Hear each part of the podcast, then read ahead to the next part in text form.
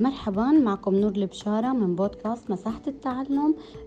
مكملين بمنهج الثالث الثانوي لمادة الرياضيات مادة الأستاتيكا. آه، بلشنا بالوحدة الأولى اللي هي كانت بعنوان الاحتكاك.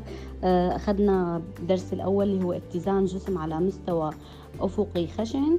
هلأ بدنا نكمل بالدرس الثاني اللي هو بعنوان اتزان جسم على مستوى مائل خشن.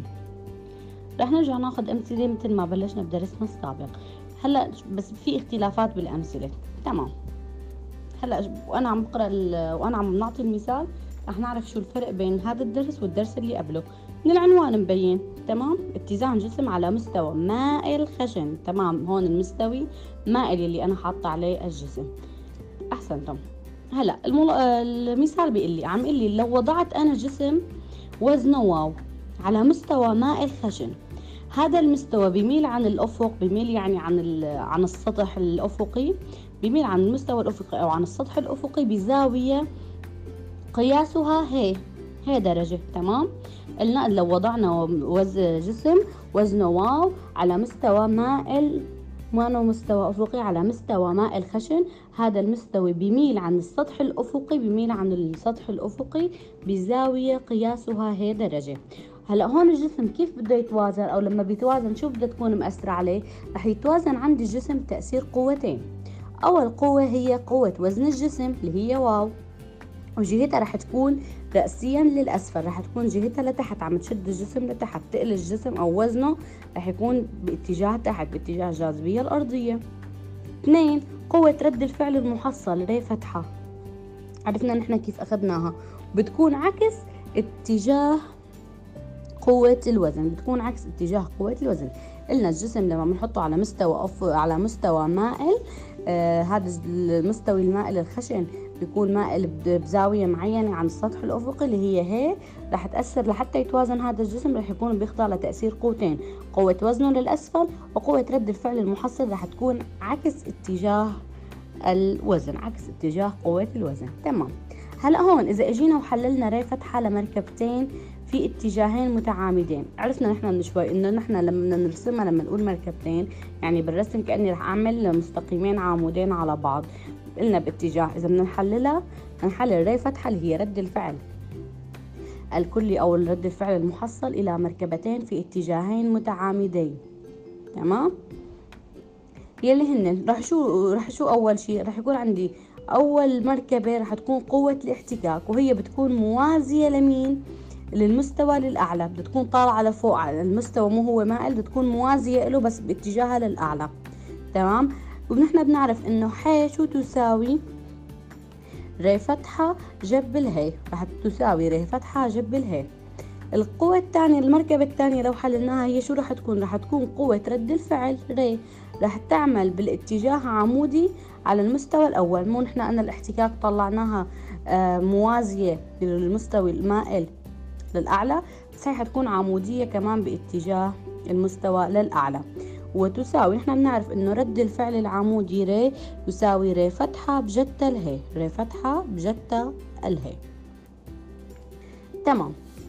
هلأ لو حللنا الواو أو الوزن لو حللناه كمان شعاع الوزن لو حللناه لمركبتين متعامدتين آه شو رح يكون هنن هدول المركبتين؟ تمام. أول مركبة اللي هي الواو جت الهي وهي باتجاه عمودي على المستوى للأسفل حتكون العمودية بس لوين؟ للمستوى الأسفل تمام؟ لتحت تكون. أما المركبة الثانية هي واو جب الهي. بتكون باتجاه يوازي المستوي للأسفل باتجاه موازية للمستوى بس مش من جهة الأسفل. برسمها بشكل موازي للمستوي بس من جهة الأسفل. تمام. معادلتي التوازن بهي الحالة رح تكون هن المعادلتين الآتيتين. أول معادلة هي حتكون ري فتحة اللي هو رد الفعل المحصل يساوي واو اللي هو قوة الوزن بجتا الهي المعادلة الثانية هي الاحتكاك ح يساوي واو جتا الهي تمام؟ تمام.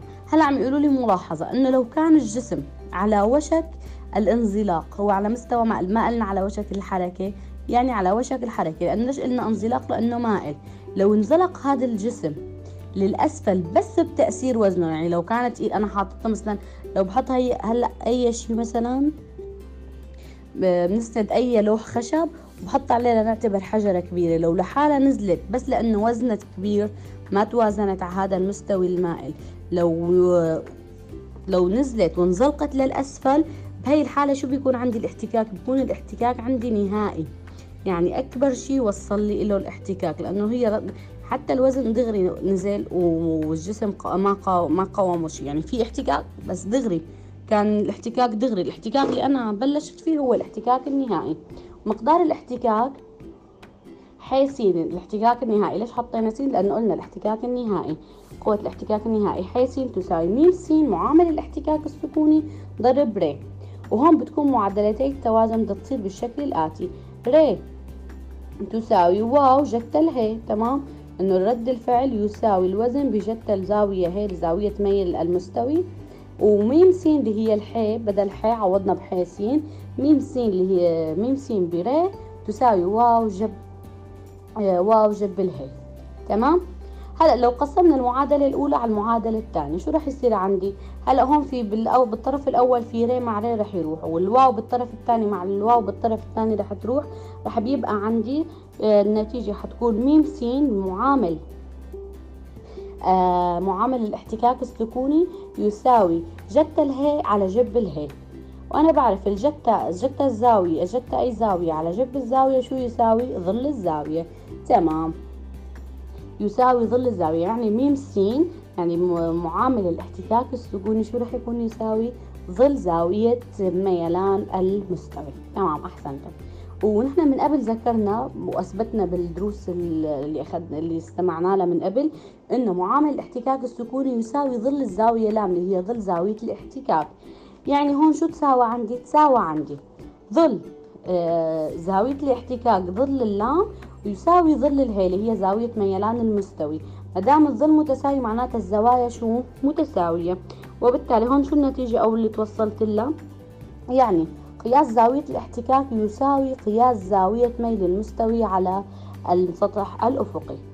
رح نستخلص هاي القاعدة. قلنا لو وضعنا القاعدة الملخص اللي حكيناه هذا المثال القاعدة التالية. انه لو نحن لو وضعنا أي جسم على مستوى ماء الخشن وكان على وشق الانزلاق بس بشرط يكون هو انزلق بس بتأثير جسمه بس بتأثير وزنه. ما أثرت عليه بأي قوة تانية. فإنه هون بده يصير عندي قياس زاوية الاحتكاك يساوي قياس زاوية ميل المستوي على السطح الأفقي.